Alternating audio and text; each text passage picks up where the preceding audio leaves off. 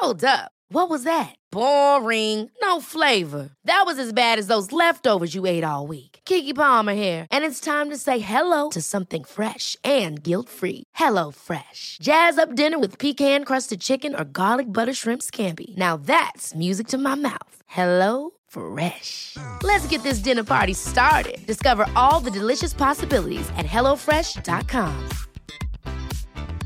There's never been a faster or easier way to start your weight loss journey than with PlushCare.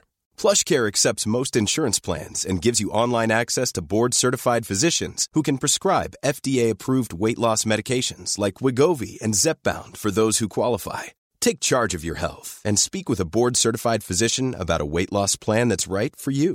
Get started today at plushcare.com slash weight loss. That's plushcare.com slash weight loss. plushcare.com slash weight loss. Systrarna Elvstrands hästpodd är producerad av Mediahouse by RF. Hej allihopa och varmt välkomna till systrarna Elfstrands hästpodd. Mm, nu är det dags för femte avsnittet. Det är det och eh, det här avsnittet kommer ju handla om ett ämne som jag vet att folk kommer bli lite provocerade av kanske. Vissa kanske blir det, eller Mm. folk har blivit det tidigare historiskt sett när vi har pratat om det här. Mm, det har de blivit. Och vi ska ta och snacka om ja, men hästhållning i största allmänhet egentligen. Mm, precis, och snacka lite om vår resa för vi har ju ändrat ganska mycket i vår hästhållning i och med åren. Vi har ju hållit på med hästar i många år och ser väl dem på ett annat sätt idag jämfört med vad vi gjorde förr i tiden. Mm, det gör vi verkligen. Och eh, det ska bli väldigt roligt att prata om och eh, vi tänker också att det kan vara bra att beta av ifall vi behöver liksom referera till någonting framöver. Ja men exakt. Och jag tycker det är lite kul det här med att prata om just hästhållning. För det känns som att vi är kanske de enda större ridsportinfluenserna som faktiskt brukar prata om det här ämnet. Ja, alltså nu är inte jag jätteduktig på att följa andra ridsportinfluencers ska jag vara helt ärlig med att säga. Men det känns som att det inte är så omtalat. Nej men jag tror inte det. Men sen tror jag också att du och jag gillar ju att prata om det för att vi brinner ju mer för hästar än vad vi brinner för själva sporten. Mm, precis, det gör vi. Och det ska bli väldigt kul att prata om. Men eh, Emma, vad säger du? Är det dags att rulla vår lilla jingel eller? Det tycker jag.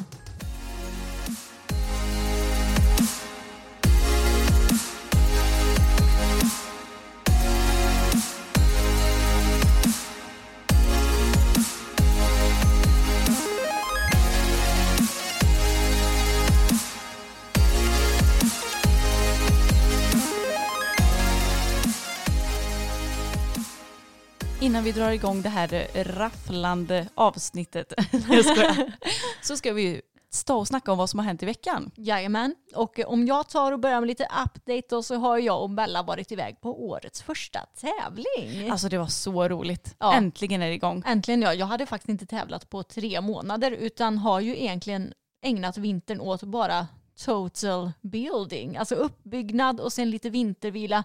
Och det känns som att jag har gjort resultat för hon är väldigt fin just nu. Alltså hon är superfin. Det ser Mm. man ju även hemma när du tränar dressyr på henne. Att Mm.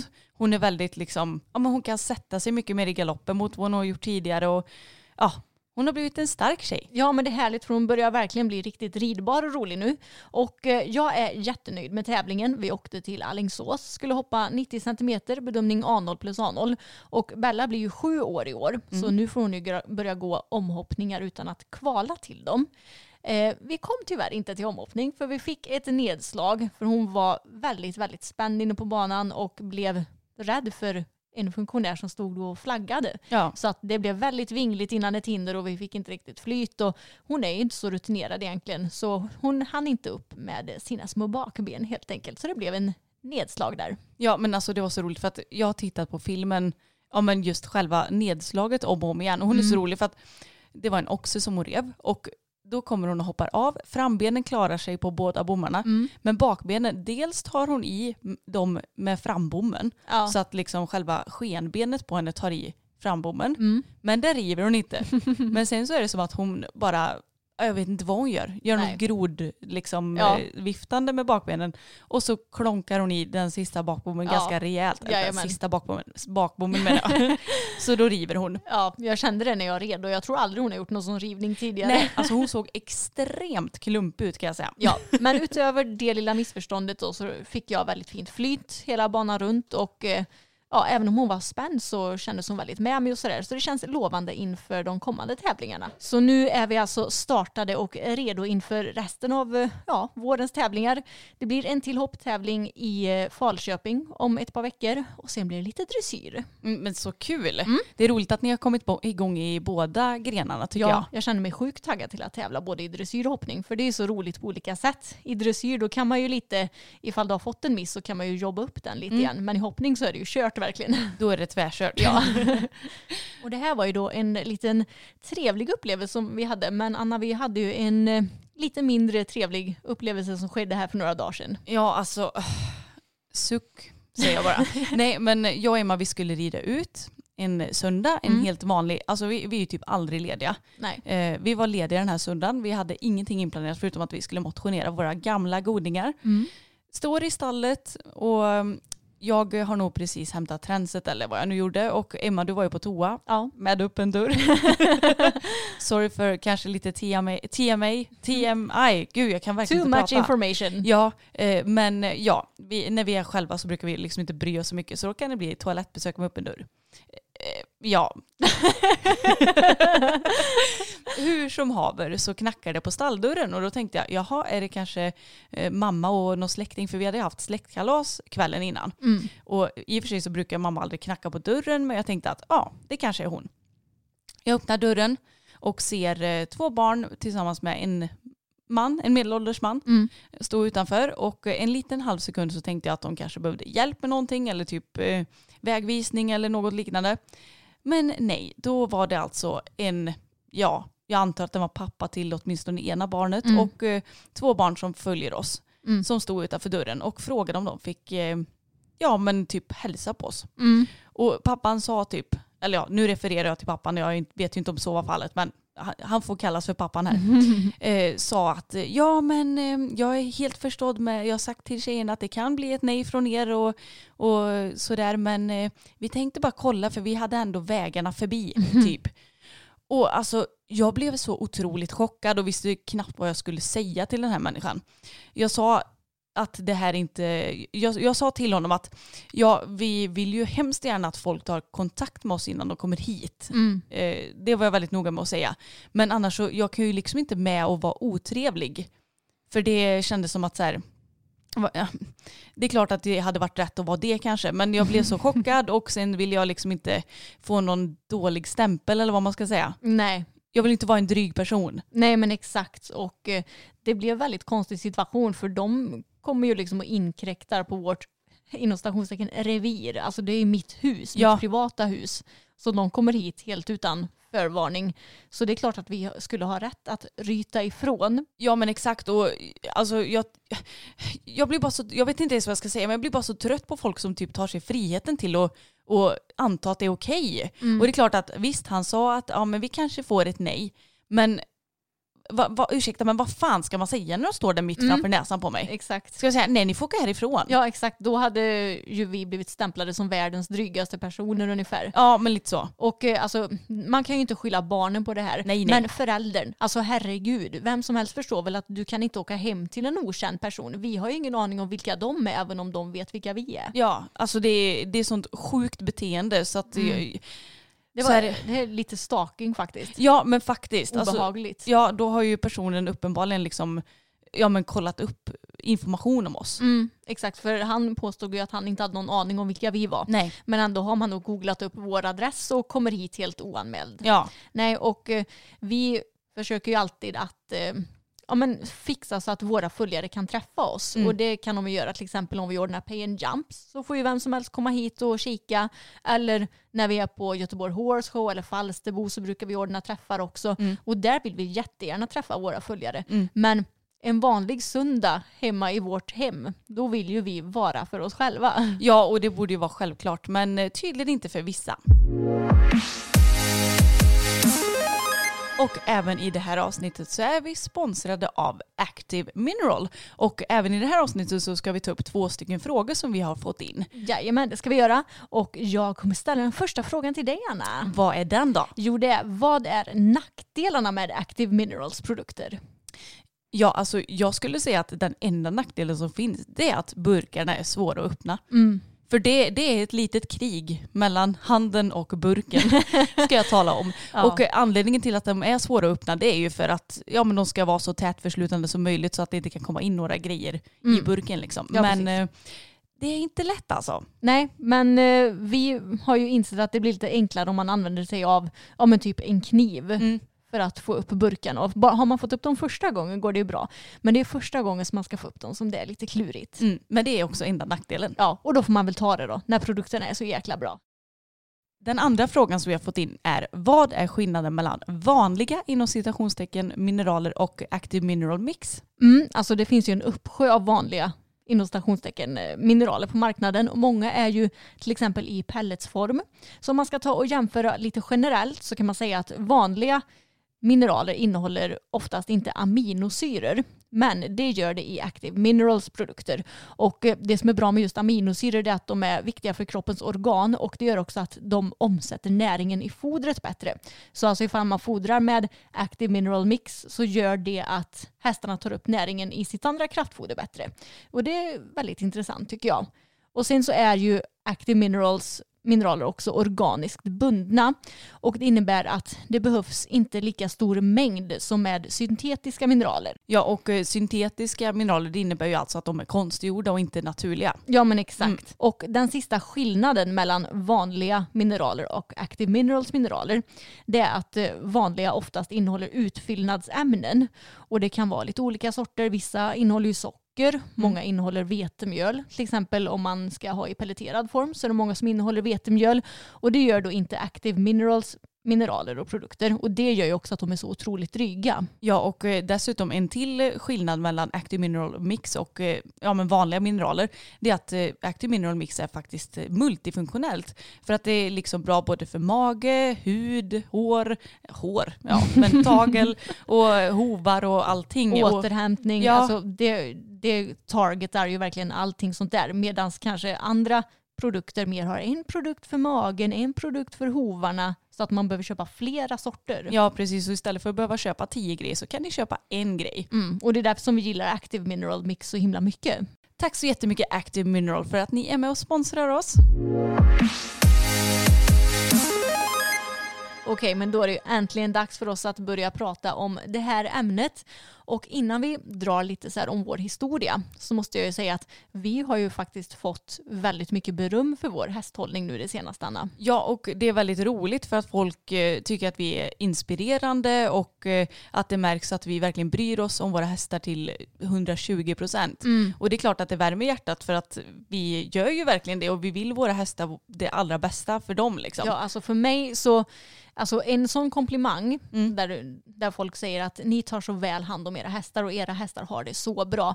Alltså det väger hundra gånger tyngre för mig än att någon säger att jag är bra på att rida till exempel. Ja. För det är ju bara en prestation. Mm. Det andra är ju mer ens inre. Eller förstår du vad jag menar? Ja, och ens livs, livsstil liksom, eller Mm. vad man ska säga. Exakt. Så ja, det är superroligt. Mm. Men eh, jag tänker att vi ger oss väl in i den här lilla grottan. Ja men verkligen. Och eh, som ni vet så har ju vi ridit ett tag ifall ni har lyssnat på våra tidigare avsnitt.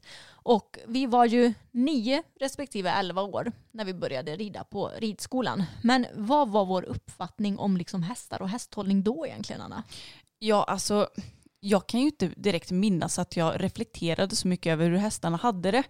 Eh, vi stod ju på en ganska gammal gård Mm. och det fanns spiltor och det ja, men fanns boxar och grejer. Det var inget tal om lösdrift förutom för shettisarna. Mm. Eh, och sen så var ju hästarna ute från kanske ja, men sju till ja, men säg tre kanske. Ja, det var nog lite olika beroende Ja. på vilken dag det var och vilka hästar det var och sådär. Ja, men de gick ju inte ute sådär superlänge. Men Nej. eh, det var liksom inga konstigheter för oss då, för vi hade ju inget annat att jämföra med. Nej. Så vi tyckte att det var helt normalt att de gick ute. Och de gick väl inte ute superkort alla gånger, men det är klart att vissa dagar blev det ju mycket kortare för att då vet jag att det var lite paralektioner och så på Mm. dagen. Ja men exakt. Och eh, jag kan inte minnas att vi hade speciellt mycket teori heller när Nej. vi gick på ridskola. Och när vi väl hade teori så tror jag att vi pratade mer om själva ridningen och hanteringen och hur man tar hand om en häst. Inte så mycket om vad hästarnas drifter är och vilka behov de har och sådär. Nej, det, det, så minns jag det också som. Mm. Och lite sjukdomar och, och typ hästens träns och så, alltså mer sådana Mm. där saker lär vi Ja, oss. exakt. Så man tänkte ju inte på den här tiden att jaha, undrar varför eh, hästarna går ute så många timmar, varför står de i spilta, varför står de i en box? Alltså vi reflekterar inte över det utan det var ju de snälla hästarna får stå i spilta och de som inte klarar av det får stå i box. Alltså det var Ja. ungefär så. Precis, och bara det där ordet som du sa här nu sist, Mm. de som inte klarar av det får stå i box. Mm. Eh, alltså bara där är ju egentligen en liten varningsklocka. Men nu är ju tack och lov spiltor inte godkända längre, eller Nej. tillåtet. Nej men exakt. Och som vi sa så var det ju också på ridskolan att det var ju bara shettisarna som gick på lösdrift. Mm. Och eh, redan där sattes väl lite vår standard för lösdrift tror jag Anna. Ja, alltså det var ju typ eh, skogsmullehästar och Mm. unghästar och ja, men typ shettisar som gick på lösdrift enligt Ja, oss. alltså vi trodde ju inte att en inom stationstecken vanlig ridhäst kunde gå på lösdrift. Nej. För då hade väl de blivit helt förslappade. Ja, ja, jag ja. vet inte. Men eh, det var väl ungefär så vi tänkte och det är inte konstigt när man får de värderingarna med sig redan från början. Men sen fick vi ju också egen häst som vi ju hade uppstallade på ridskolan. Mm. Men tyckte du att vår uppfattning ändrades då? Nej, alltså egentligen inte alls. Vi eh, fick ju hem våra egna hästar, eller ja, det var ju en i taget då. Och eh, vi var ju så inrutade i ridskolans system för vi hade haft mycket stalltjänst och så, så vi hade ju koll på rutiner och, Mm. och lite sådär. Och då blev det liksom att man bara hakade på den rutinen som var på ridskolan. Mm, ja men exakt. Fast sen så vet jag ju att vi tog in hästarna senare Mm. eh, än vad ridskolästarna kom in. Ja, precis. Så de gick ändå ute längre. Men det var väl egentligen den enda skillnaden då. Ja, men vi hade väl ändå någon sorts koll känns det ju som att vi ville Mm. ha ute hästarna så länge som möjligt. Jo, Annars hade ju inte vi tagit ut dem, eller tagit in dem senare än ridskolästarna. nej, det har du rätt i. Mm. Så att eh, någonstans där kanske vi började fundera lite mer på det. Mm, precis. Jag minns ju det egentligen som att det var när vi flyttade från ridskolan till en annan gård som vi pratade om i förra avsnittet. Mm. Eh, Det var väl egentligen först då som vi faktiskt fick mer insikt om hur vi själva ville ha det. Ja men jag tror det, för det var ju då som vi började inse att våra egna hästar inte mådde så bra, Mm. eller de mådde inte så bra som de kunde må, vilket kanske visade sig mer tydligt sen när vi flyttade hem dem till vår gård. Men vi såg ändå i deras beteenden att de inte kanske betedde sig så som de gjorde när de stod uppstallade på ridskolan. Mm, precis, och det berodde ju delvis på att de gick ute mindre Mm. nu när vi flyttade till den här gården. Och eh, också att det var liksom ja, men en helt annan sorts miljö med hagar och att de gick själva och Mm. hela den biten också. Ja exakt, alltså jag minns ju att det första som vi reagerade på egentligen, det var Mm. väl att hagarna var så otroligt små. Mm. Och det vet ju att vi tänkte att sådär små hagar ska inte en häst ha. Nej. För redan då så tror jag att vi ansåg att hästar ska kunna röra sig liksom i full fart i sin hage. Ja. Det går ju inte i sådana små hagar. Nej, och med no, ja, åtminstone någon kompis. Mm. För det gick ju inte Nej. enligt den här stallägaren. De fick ju gå själva. Ja, och på ridskolan så har ju våra hästar alltid gått tillsammans Mm. med andra och det har funkat hur bra som helst. Ja. Men på det här stället då som vi hade flyttat till, Mm. där hade de ju en hel del lösdrifter också. Men för oss så var det ju helt otänkbart att ha våra hästar på lösdrift då. Ja, för som sagt, de som var på lösdrift det var ju sådana här eh, NH-flummisar eller skogsmullar eller unghästar eller typ ponnys. Mm. Och det var ju egentligen unghästarna som gick på lösdrift så att det var ju helt otänkbart att ha våra hästar på lösdrift då. Ja men verkligen, för vi, ja, men vi trodde helt enkelt att det inte gick. Alltså i princip, jag tror Mm. inte vi var öppna för att motta någon ny information om det då. Det var ju egentligen standarden som vi hade med oss när vi flyttade till vår egen gård. Och eh, då när vi flyttade till egen gård så var vi tvungna att renovera stallet för att det fanns bara en box och håll i er, en lösdrift. Nej jag skojar, det, det var inte så himla bra. Vi var ju tvungna att göra om oavsett för det var för lågt i tak och sådär. Och eh, med tanke på att vi har boppen som är 182 cm i mankhöjd så behöver vi lite takyta. Men eh, hur som helst så gjorde vi i ordning stallet och eh, satte in fyra stycken boxar. var ju egentligen inte tal om lösdrift från början. Men så hade vi ju ett gammalt hönshus på gården som vi var lite så ja ah, men vad ska vi göra med det där då? Och då kom pappa fram till att varför gör vi inte en lösdrift av det där? Och vi bara, jo men det kanske kan vara bra. Och då tänkte vi väl framförallt så här, på sommaren när hästarna behöver komma undan flugor och sånt, kanske egentligen inte så mycket att de Mm. kan gå där dygnet runt året om. Nej. Men eh, det visade ju sig att det var ganska gött att ha den där lösdriften. Mm, verkligen. Och eh, till en början så hade vi som sagt bara boxhästar. Mm. Fyra boxplatser hade vi ju, men sen så ville väl vi kunna ta in ännu fler inackorderade tror jag. Ja. eh, och kanske även i framtiden då köpa fler egna hästar. Så då blev det att vi byggde en till lösdrift. Det blev det för att vi var tvungna att göra om ja, ännu en byggnad på gården. Då. Ett garage som var i princip fallfärdigt. Så då gjorde vi om den lilla byggnaden till en lösdrift slash carport. Och eh, gud vad vi är nöjda med den för övrigt. Mm. Men eh, det är ju vår stora lösdrift som vi kallar det. Men egentligen så tror jag att de är väldigt snarlika om man tänker kvadratmeter. Så eh, de är väl på, åh gud nu minns jag inte ens. Nej, Men typ har så här ingen aning. 40-50 kvadrat båda två tror jag. Ja men det Mm. kan nog stämma. Det, det kan det säkert göra. Men jag vet att redan när vi flyttade hit då märkte vi när vi släppte ut hästarna i den här stora hagen tillsammans där de fick springa att de blev så himla glada. Mm. Och redan från början så var ju vi också överens om att hästarna de ska gå ute så mycket som möjligt. Mm. Och det här var ju då innan vi hade lösdrift så att de kom ut på morgonen och in på kvällen. Och redan från början så kom de väl ut vid, säg sju på morgonen Mm. och in vid, ja men typ tio på kvällen. Ja, Så hur många timmar blir det som de får stå inne? Nio timmar Ja. totalt på natten då? jag tror det var nio timmar max för det var många gånger som jag gick upp tidigt för jag jobbade, började jobba klockan sju. Så då släppte jag ut dem redan vid klockan sex. Så Ja, det var precis. ju åtta, nio timmar som de stod på box. Mm, exakt, och så har ju det alltid varit för oss med de boxhästarna som har stått på vår gård. Och sen så har vi ju också haft hästar då på lösdrift. Mm. Och eh, ja, det är inte något mer med det egentligen, men eh, när var det vi började ha våra hästar på lösdrift egentligen, Anna? Bra fråga. Kan det ha varit någonstans i vevan när vi skaffade Abbe tror jag va? Mm. För hade vi inte Abbe, Tage och Boppen på lösdrift då? Jo, det kan nog stämma. Mm. Så runt 2015 där någon gång tror jag. Ja men något sånt. Ja, så då hade vi väl våra på lösdrift och sen hade vi inackorderade som stod på box tror jag. Ja, jag för mig att det var så. Mm, men det kan, eh, det kan mycket väl stämma. Mm. Och eh, det roliga är att jag tror ju lite så här, nu kommer vi ju kanske in lite på eh, saker som vi kanske kommer prata om lite senare, men jag tror ärligt talat att Boppen inte hade levt idag om han hade stått eh, fortsatt inackorderad på en box. Mm. För han har ju massa kroppsliga grejer som sätter lite hinder för honom. Han har bland annat shivering och är väldigt stor. Så det tror jag hade skälpt honom väldigt mycket. Det är suveränt att ha honom på lösdrift och jag tror att det var lite det vi kom till insikt med också kring Mm. den här tiden. Ja, men jag tror det med. Och när både Tag och Boppen hade gått ute på lösdrift ett tag, för båda de två var ju ja, men, lite i det äldre laget då, och då upptäckte väl vi ja, men just att vi hittade fördelar med att ha dem på lösdrift, att de kändes fräschare i kroppen. Alltså Tage han har ju aldrig varit så fräsch som han är nu och nu är han 20 liksom. Precis. Och jag tror inte att det är en slump om jag ska vara helt ärlig. Nej. Och eh, sen så blev det bara att vi förälskade oss i lösdrift och eh, Mm. ja, men blev lite mer öppna kring tanken om lösdrift så att det faktiskt inte bara är skogsmullar, NH-folk och shettisar som kan gå på lösdrift. Nej exakt, för jag tror att en vanlig myt om lösdrift det är att folk tror att hästarna ska bli så himla trötta Mm. när de aldrig får komma in och vila.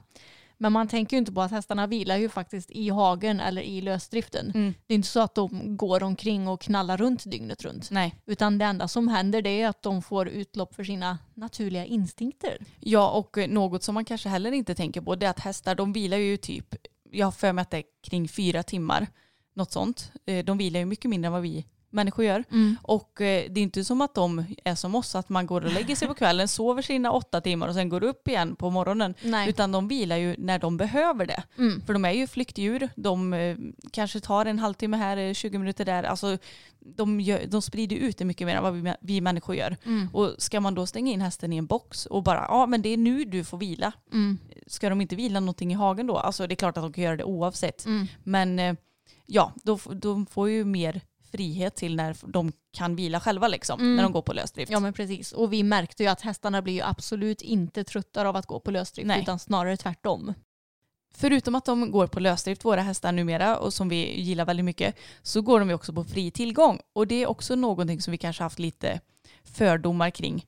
Mm. Att eh, ja men det är väl typ bara unga hästar som vi trott har kunnat gå på det också. För att annars blir hästarna feta eller eh, ja men får typ fång och grejer. Nej men jag vet inte vad vi har trott egentligen. Men det har ju funkat väldigt bra för våra hästar också. Mm. Och det som är bra med fri tillgång är att hästarna kan ju verkligen äta när de behöver det. Mm. De behöver aldrig oroa sig för att åh nej nu ska det gå fyra timmar innan jag får mat igen. Mm. Utan men de, de kan följa som sagt sina naturliga instinkter och det är det som jag tycker är så härligt med att ha hästarna på lösdrift och i flock för du kan verkligen se hur de interagerar med varandra. Du ser att nu så går den där hästen och eh, lägger sig och vilar, den andra hästen vaktar, nu går de och äter tillsammans, nu leker de tillsammans. Mm. Alltså det är så himla härligt. Ja men verkligen, det är uppfriskande att se. Och framförallt så tycker jag det är jättebra också det här med att eh, ja, men när de går på fri, fri tillgång så kan de ju reglera sin temperatur också. Mm. För jag menar det är ju inte så lätt om du inte har någon mat då kan du inte bli varmare.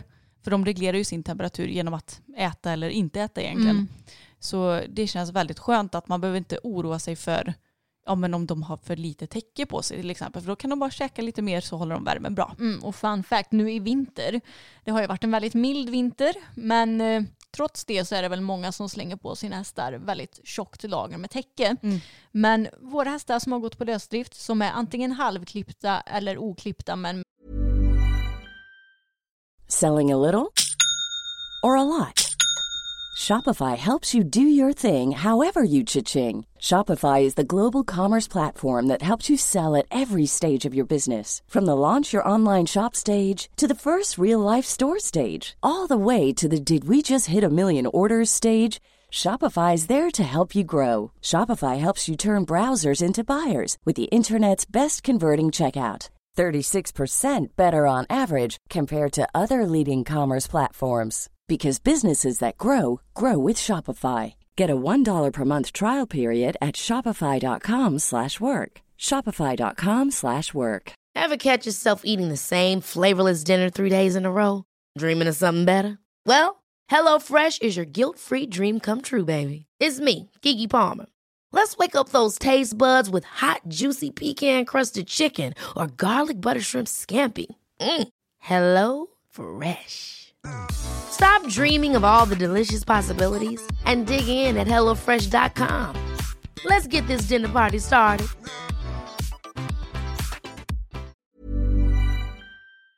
Med tunn päls. De har haft på sig max 150 grams tecken hela vintern. Mm. Och, och har inte frusit alls. Nej, absolut ingenting. Utan de är, har varit precis lagom tempererade skulle jag säga.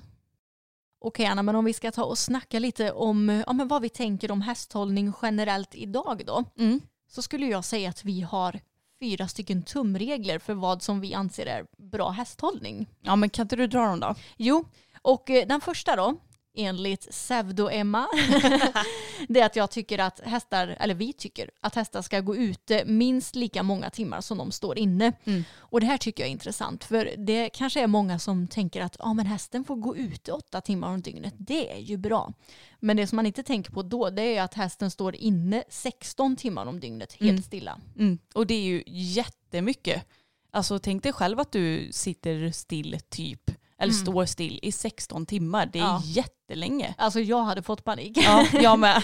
Nej, ja, och just att man begränsar ju verkligen den här tiden till att de, under de här åtta timmarna får du röra på dig. Sen så ska du stå helt still i princip. Mm. Alltså står den här stenboxen kan ju knappt röra sig överhuvudtaget. Och sen så är ju också såklart det bästa förresten att gå i en flock om det funkar. Mm. Det behöver inte vara massvis med hästar men åtminstone någon kompis. För hästar har ju ett väldigt stort behov av närhet, precis som vi människor. Och de vill ju kunna gosa med andra hästar, de vill kunna beröra andra hästar. För det vet jag att studier har visat på att hästar som kan röra andra hästar som kan klias och sådär, de blir mycket lugnare. Mm. Och det är också väldigt logiskt för hästar är ju som sagt flockdjur. Ja, och då räcker det ju inte att ha en i en hage bredvid någon annan i en annan hage utan de vill ju verkligen kunna ha den här beröringen. Mm. Exakt, och det märks ju så tydligt på våra hästar att de har börjat må mycket bättre ja, men efter att de fick börja gå tillsammans igen. Sen också något som är väldigt viktigt det är att ha tillräckligt stora hagar så att hästarna kan röra sig obehindrat. Ja men precis och det är väl egentligen eh, den viktigaste regeln skulle jag säga. För att mm. jag menar om du ändå ska ha två hästar i en liten ruta då det gör ju liksom ingenting till utan de ska ha sina stora hagar så att de kan röra sig så att de kan busa och att så, så att de är så pass stora att de liksom kan komma undan från varandra. Ja, precis. Ifall de hamnar i en liten fight att det inte blir att så här, oj shit, här är ett staket och ett hörn som jag kommer inte undan, oj pang, mm. där kom den. Ja. ja men exakt och det är ju så himla skönt med våra hagar för de är ju ja, ett par hektar stora var mm. skulle jag säga. Och även om du släpper in en ny häst i flocken så vet du att den kan alltid komma undan ifrån de andra. Mm. Och det blir då väldigt säkert när man släpper ihop nya hästar med varandra. Vi har ju aldrig haft några som helst skador på våra hästar vid till exempel ihopsläpp av en ny häst i flocken och det har gått väldigt smidigt. Mm. Det har nästan gått eh, löjligt enkelt. Ja, verkligen. Och sen då den sista punkten, det är att våga prova vad som passar för just din häst. Och eh, det är lite som jag tänker på här. Det är att många tänker inte på att hästar är vanedjur. Så jag tror att de tror att bara för att hästen står och väntar på dig vid grinden klockan fyra så vill hästen komma in då. Men det är inte riktigt sanningen. Nej, den är ju bara van att komma in då så det är klart att den står där och väntar på dig. För att de har en liten inre klocka typ. Ja men exakt. Nej, så att jag tänker att det är nog väldigt bra att prova sig fram och se om hästen liksom tycker att det är bättre att vara ute längre eller sådär. Mm. För eh, det är inte så svårt att testa. Nej exakt och till exempel när vi släppte fokus på lösdrift Mm. då stod ju han också och väntade vid grinden i början. Det tog ju säkert en vecka innan han förstod att jaha men jag ska inte komma in Nej. så jag kan gå och göra något annat istället. Ja. Men om du inte vågar prova då hade vi bara nej men gud det går inte för honom att eh, gå på lösdrift nu får vi ta in honom igen. Mm, precis, och eh, det roliga är ju ändå att fokus nu håller jag ju på att träna honom på att stå på box för att han är så otroligt stressad där. Mm. Så att eh, det här med box är inte riktigt fokus grej. Nej, verkligen inte. Men det måste vi ju säga också att när vi köpte honom Mm. då kom ju han i princip direkt från Holland. Hade väl säkert knappt sett en hage i hela sitt liv, vem vet. och eh, då stod ju han på box i början. Och varje morgon när vi släppte ut hästarna då var han helt tokig i boxen. Ja, men alltså, han var helt galen. Han slängde runt huvudet i en cirkel och så höll han på och lät, ja ursäkta men jag ska försöka imitera. Japp. Ja, alltså skrek, eller Mm. ja ni vet pep. Ja, Och han var superstressad, höll på att sparka på boxen och, Mm. och bet sönder inredningen i boxen. Ah, bäverfokus. Verkligen. Och sen när man öppnade boxen, för vi har ju så att de kan liksom springa direkt ut i hagen med liner. Alltså han kutade kan jag ju säga. Mm. Det var full fräs ut i hagen för att han vill inte vara kvar i sin box längre.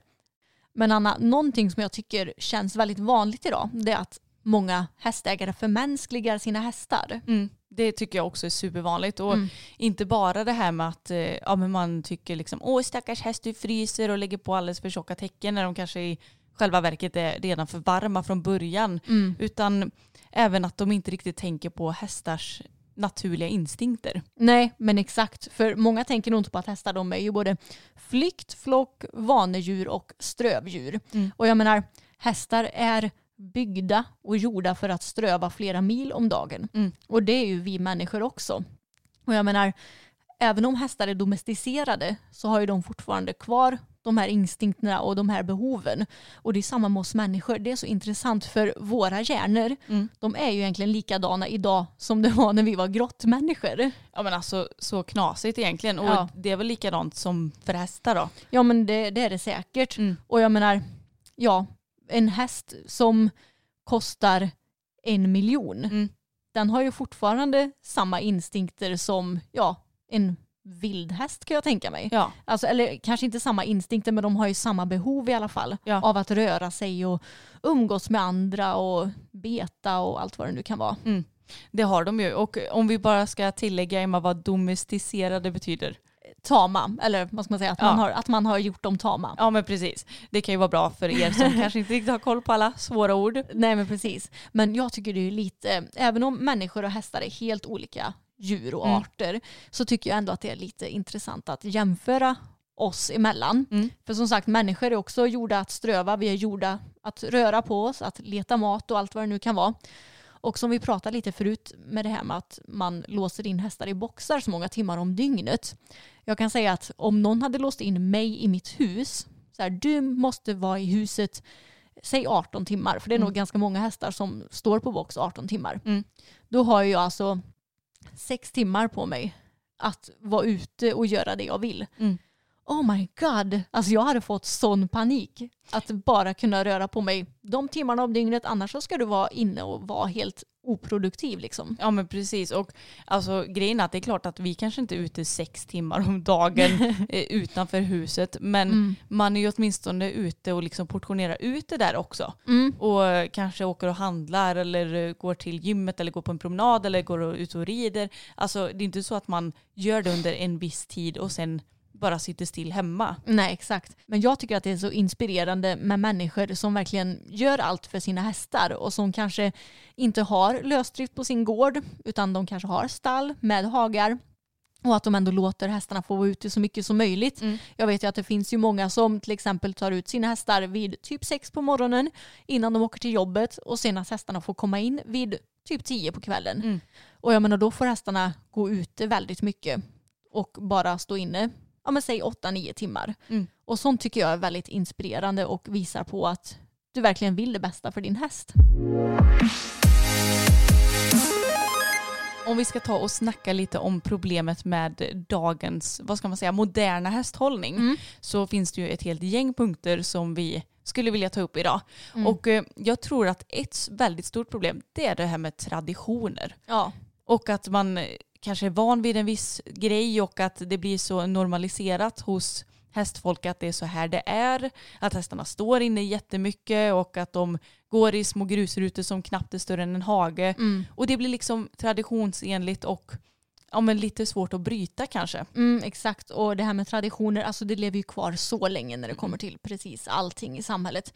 Så jag tror att det känns som att de här traditionerna, att det börjar ruckas på nu. För jag vet att du och jag, vi är ju verkligen inte de enda vi känner som har våra liksom, tävlingshästar på lösdrift. Nej gud nej, vilket är jätteroligt. Ja, och så känns det inte som det var för bara, ja men säg 10-20 år sedan. Mm. Då, då var det nog väldigt få tävlingshästar som faktiskt gick på lösdrift. Men nu känns det ändå som att jag vet ändå ganska många som har det. Mm, jag med. Mm. Så det, det är väldigt kul att det går åt det hållet tycker jag. Mm, jag håller med. Och sen så en annan del i det här som är problemet med dagens hästhållning det är väl att folk har helt enkelt inte kunskap om ja, de här drifterna hos hästen som vi har pratat om Mm. och hästars behov. Utan jag tror att folk fokuserar lite väl mycket på att hästar faktiskt är domesticerade Mm. och ser hästarna lite mer som ett redskap än som ett djur. Ja och att man gärna vill att eh, hästen inte ska bli skadad. Det är klart, ja, vi vill ju inte heller ha skadade hästar. Det vill Mm. väl ingen. Men jag förstår bara inte riktigt hur en box och en liten grusruta ska lösa de problemen. Nej, men det gör ju inte det heller. Nej. Alltså, det är ju intressant för det har ju kommit studier som visar på att hästar som går på lösdrift de är inte mer skadade utan Mm. tvärtom så är de mindre skadade. Och det har ju vi pratat lite om tidigare men det är så himla talande för skadorna på våra hästar har ju minskat massor sedan vi flyttade hästarna till vår gård och att de började gå ute mer och gå på lösdrift. Gud ja. Mm. Så det, det, är nog, det är ingen slump att det är så antagligen. Nej, jag tror inte det heller.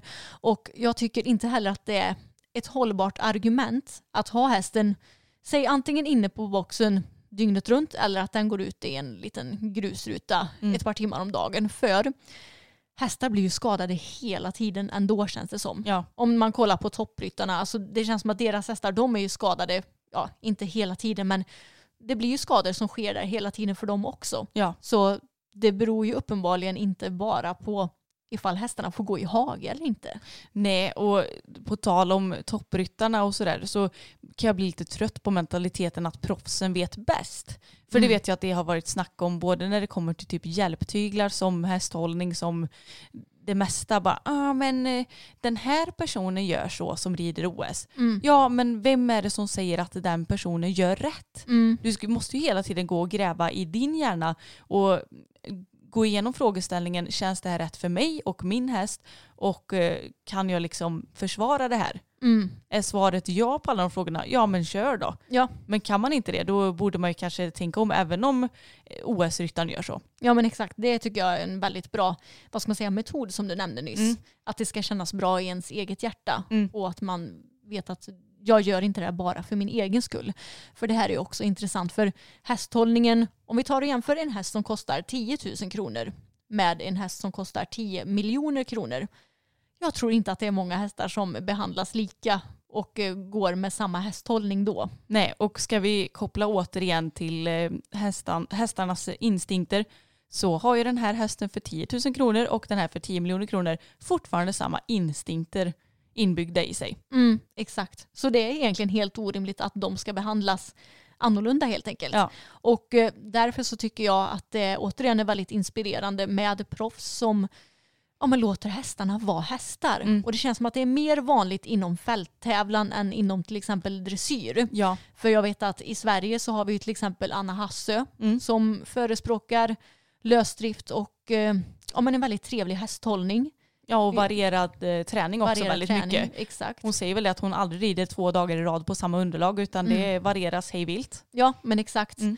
Och jag menar, det, det är så himla inspirerande tycker jag. Att eh, med människor som inte ser prislappen på hästen utan som ser hästen som en häst.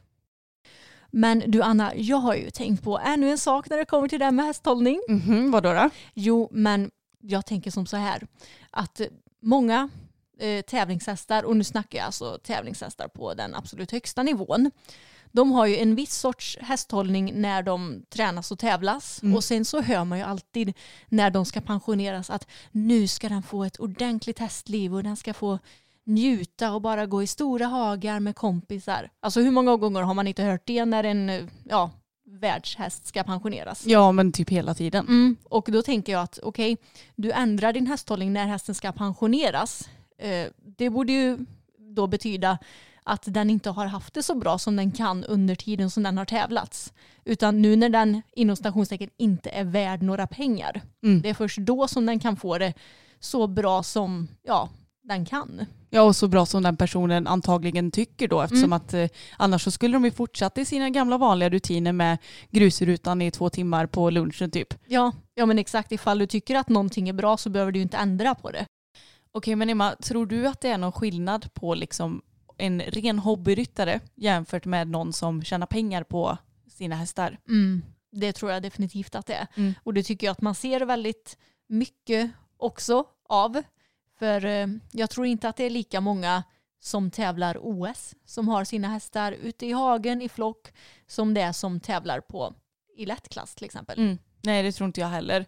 Och det, alltså det, det är bara så tråkigt att det är så här. Och Mm. jag förstår det att det, det är sårbart och det är så jäkla mycket pengar det handlar om. Mm. Men jag kommer aldrig förstå hur man kan välja prislappen för hästen alltså. Inte jag heller. Och jag tycker också att ifall du tycker att pengar är viktigare än ett djur, då ska du inte ha något djur. Nej. Alltså det, du kan tävla på hög nivå och fortfarande ha en vettig hästhållning och se till hästarnas bästa. Men ska jag vara ärlig, alltså jag tror inte att det är så många som gör det. Nej. Utan de flesta tänker på sig själv i första hand, vad som kan generera mest pengar till dem. Mm. Och så är de ju också fruktansvärt rädda för skador. Men så skadas hästarna hela tiden ändå. Mm. Så vad är att vara rädd för? Sen nästa grej som är ett problem med dagens hästhållning det är ju vi själva ett levande bevis på Anna. Mm. Ja, och det är att man kanske inte vågar testa andra metoder. Och det är läskigt att kliva ut i någonting som man kanske inte riktigt är bekväm med. Det har ju vi fått göra väldigt mycket genom åren nu. Dels ja, men det här med lösdrift, dels har vi börjat att mentalträna hästarna. Det ska vi för övrigt ta upp i ett avsnitt har vi Mm. Ja. tänkt. Eh, och det som vi håller på med mest är väl parelli tror jag att man, Mm. eh, alltså vi vill inte sätta någon stämpel på det hela. Men det har ju också varit rejält obekvämt för oss att, att göra. Helt nytt steg och det är klart att alltså, det är inte bekvämt alla gånger att, att göra förändringar. Men eh, man kan ju inte, gö- eller, man kan ju inte veta hur förändringen går om man, inte, om man inte testar det. Nej exakt och jag tror att vi har ju fått söka kunskapen själva. Ja. Till exempel det här med mentalträning som vi har börjat med relativt nyss och sen även det här med lösdrift. Eftersom det var ju ingenting som vi trodde att eh, en inom stationstecken vanlig häst kunde gå på tidigare. Nej. Utan det är ju någonting som vi har fått lära oss. Så jag tror att det hänger ihop med okunskap också ganska mycket. Gud ja, för då hade vi ju ingen aning om saker och ting. Och eh, sen så en punkt som också hör till lite det här om varför eh, ja, men hästhållningen är som den är idag. Det är ju det här att alltså, folk anpassar inte sin vardag efter hur hästarna ska ha det som bäst som möjligt. Utan de anpassar hästarnas liv efter hur deras liv ser ut. Eller ja. hur? Ja men precis och det är klart att det kan man ju förstå. För många gånger så är det kanske enklare för en människa att ta in hästen klockan säg fem än istället för klockan nio eller tio på kvällen och speciellt om det är lite större stall. Men då kommer vi återigen till den här morala aspekten att eh, ska hästarna bli inom stationstecken drabbade för att jag själv inte kan anpassa mig? Mm, ja precis och eh, det fanns ju anledningar till varför vi tog in våra hästar själva när vi stod uppstallade på typ inackorderingsstall och sådär. För att de tog in hästarna alldeles för tidigt mot vad vi tyckte. Och då löste vi ju problemet så att vi tog in dem själva. Ja. Så att det går ju alltid att lösa. Eller ja, nej det ska jag inte säga för det kanske finns regler hos folk. Men vi kunde lösa det på så vis i alla fall så det var skönt. ja, och för vår del så tycker vi att vi själva är, eh, vad ska man säga, pliktiga att lösa det så att våra hästar ska få det så bra som Ja. möjligt. Vi är plikttrogna. Ja, exakt.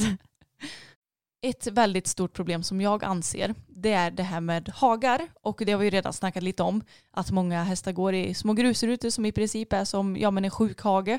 En liten box typ som hästarna, ja Mm. men de kan inte ens smaska på ett grästrå utan det är, det är grus som erbjuds. Men det absolut största problemet skulle jag säga det är de gårdar som inte ens har tillräckligt många hagar Mm. för hästar. Nej. Utan de får göra liksom, ja men eh, de här hästarna får gå ut från, eh, ja men säg 8 till 12 och sen så gör vi ett byte och de här får gå ut 12 till 4. Mm. Så de får alltså gå ut i typ fyra timmar om dagen. Så vet jag att det är ganska ofta, ja men i lite större städer där man kanske inte har lika mycket mark till så många boxplatser man har till Mm. exempel.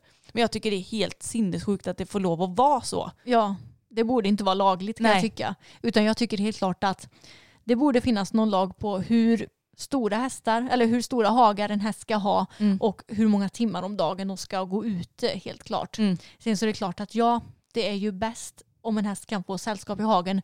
Men om vi ska prata om det här med för små hagar, det kan ju också vara farligt för hästar att gå med sällskap om hagarna är för små. Precis, så det är ju helt klart en avvägning det där. Mm. Men jag tycker det är lite intressant också för att eh, ja, men, vi har haft hästar som varit skadade eh, genom åren och Mm. eh, för senast för två år sedan ungefär så fick en av våra hästar en sparkskada så han var tvungen att gå i lite ja, men mindre hage. Mm. Och inte ens veterinärerna rekommenderar ju längre sjukhagar, det vill Nej. säga liksom boxliknande hagar. Utan det de rekommenderar nu för tiden det är lugn hage. Mm. Och det får man liksom tolka lite som man vill. Är det den vanliga hage som de kan gå lugnt och sansat i eller är det en lite mindre hage? Det får man liksom eh, konstatera själv. Mm. Men jag tycker det är lite intressant att alltså inte ens veterinärer som kanske behöver ha hästar i, ja men som inte behöver få upp någon gammal skada liksom. Mm. Inte ens de rekommenderar en hag, en boxstor hage. Nej exakt och jag tror att det är säkert jättevanligt att hästar de blir väldigt stressade av att gå i mindre hagar. Då jobbar de upp mycket mer energi i kroppen. Det sprätter i benen på dem eftersom de inte kan röra sig ordentligt. Och då är det nog bättre för dem att få gå i sina vanliga hagar där de kanske inte nödvändigtvis behöver springa men där de kan röra sig ordentligt. Mm. Det är bara att kolla på våra hästar. Speciellt eh, Bella och Boppen. De brukar ju sällan busa i hagen men däremot går de ju en hel del. Och ifall någon av dem hade blivit skadade så hade ju de ju helt klart kunnat gå kvar i sin vanliga hage utan Mm. att det hade blivit en vild hage. Ja men precis. Nej, så det tycker jag verkligen att eh, det borde bli en förändring i att hästar borde, alltså det borde inte gå att ha för många hästar till antalet hagar eller sådär som man har hemma. Nej exakt och jag tycker att det är så sjukt egentligen rent moraliskt att du ska kunna driva en vinstdrivande gård Mm. och sen kan du inte ens erbjuda hästen ett ordentligt hästliv. Nej. Utan den får gå i jättesmå hagar, den får gå ute fyra timmar om dygnet. Det vill säga att den får stå inne 20 timmar om dygnet. Mm. Alltså, varför är, jag fattar inte varför det är lagligt och hur man kan ha sin häst på det här viset med gott samvete. Nej och eh, uppenbarligen så har nog inte mm, folk det samvetet heller för att jag vet att sådana stall erbjuder ofta skrittmaskiner. Så då ska hästarna gå i den istället för att gå i en hage eller så kanske de promeneras för hand och sådär. Och jag blir så här bara, men varför kan de inte bara få gå i en hage? Och ja, ja jag förstår om inte det finns hagar, tillräckligt med hagar för alla hästar. Men för fan skaffa tillräckligt med hagar till hästarna då. Ja, eller ta inte in så många hästar då. Nej. För det är ju det här att du som människa, det är så många som tjänar pengar på sina hästar. Mm. Och sen så går det ut över hästarna. Mm. Att de inte får det så pass bra som de kan ha. Och jag, jag blir så trött på att man ska hålla på och dalta med människor Mm. istället för att tänka på hästarna. Och jag tror att det är därför också som folk kan bli lite provocerade av oss. För grejen är att vi daltar ju inte med ryttare och människor på samma sätt. Utan vi sätter ju hästarna i första hand. Mm. Och det kanske folk tycker är lite provocerande. Att eh, vi inte har, eh, ja vad ska man säga, att vi inte har förståelse för andra människor. Mm. Men det har vi ju. Men vi tycker ju inte att vi ska ha mer förståelse för människor än för hästar. Nej, exakt. Utan det, de är lika mycket värda liksom. Mm, men precis. Yes, men nu tror jag att vi har fått sagt det som vi vill ha sagt i det här avsnittet om ja, men vår hästhållning och hur eh, utvecklingen har sett ut genom åren för oss då. Och eh, jag vill bara säga att det är klart att det här sättet inte är det enda sättet och det är inte så att vi ser ner på andra människor som gör olikt från oss, för det hade varit helt galet om det hade varit så. Utan vi är fullt medvetna om att det här inte funkar för alla hästar. Mm, precis, men det som vi har sagt också nu i avsnittet, det är ju på en generell nivå Mm. och det är ju ganska irrelevant med liksom Ja, jag vet att vi har fått vissa personer som har gått in i försvarsställning förut när vi har pratat om det här och sagt min häst kan inte gå på lösdrift och bla bla bla. Nej men vi har inte sagt att alla hästar ska gå på lösdrift heller utan det enda som vi säger det är att man ska våga prova och se vad som är bäst för sin häst och att du i största möjliga mån ska ge din häst eh, möjlighet att eh, få utlopp för sin naturliga hästhållning helt enkelt. Ja men precis, öppna sinnet och se om du kan ändra någonting som kommer få din häst att må ännu bättre. Mm, och att man vågar experimentera och se lite. Mm. Men du Anna, eftersom hela det här avsnittet har blivit som en veckans snackis så tycker jag att vi tar och skippar det den här veckan. Det låter som en bra idé. Nu, nu har vi nog diskuterat nog tycker jag. Ja, jag tror det också. Och hörni, ni som har lyssnat, glöm inte bort att prenumerera på podden om ni gillar den. Och glöm heller inte bort att prenumerera på vår YouTube-kanal som heter Systrarna Älvstrand. Glöm heller inte bort att kolla in vår blogg som heter www.elvstrands.se och all information om Active Mineral och eh, våra Instagramkonton och vart ni hittar och kan följa oss och sådär. Det hittar ni som vanligt i beskrivningen nedan. Ha det så bra allihopa så hörs vi igen nästa vecka. Det gör vi! Hej då!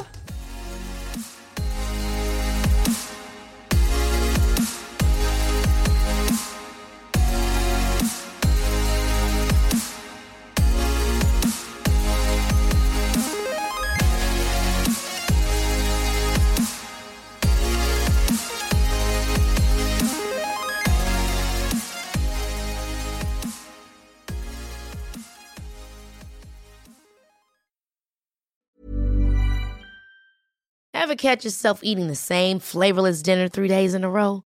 Dreaming of something better? Well, HelloFresh is your guilt free dream come true, baby. It's me, Gigi Palmer.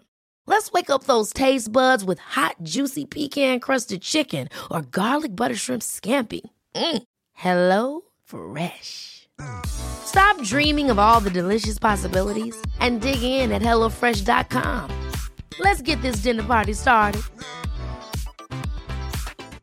Mom deserves the best, and there's no better place to shop for Mother's Day than Whole Foods Market. They're your destination for unbeatable savings, from premium gifts to show-stopping flowers and irresistible desserts. Start by saving 33% with Prime on all body care and candles. Then get a 15-stem bunch of tulips for just $9.99 each with Prime. Round out Mom's menu with festive rosé, irresistible berry chantilly cake, and more special treats. Come celebrate Mother's Day at Whole Foods Market.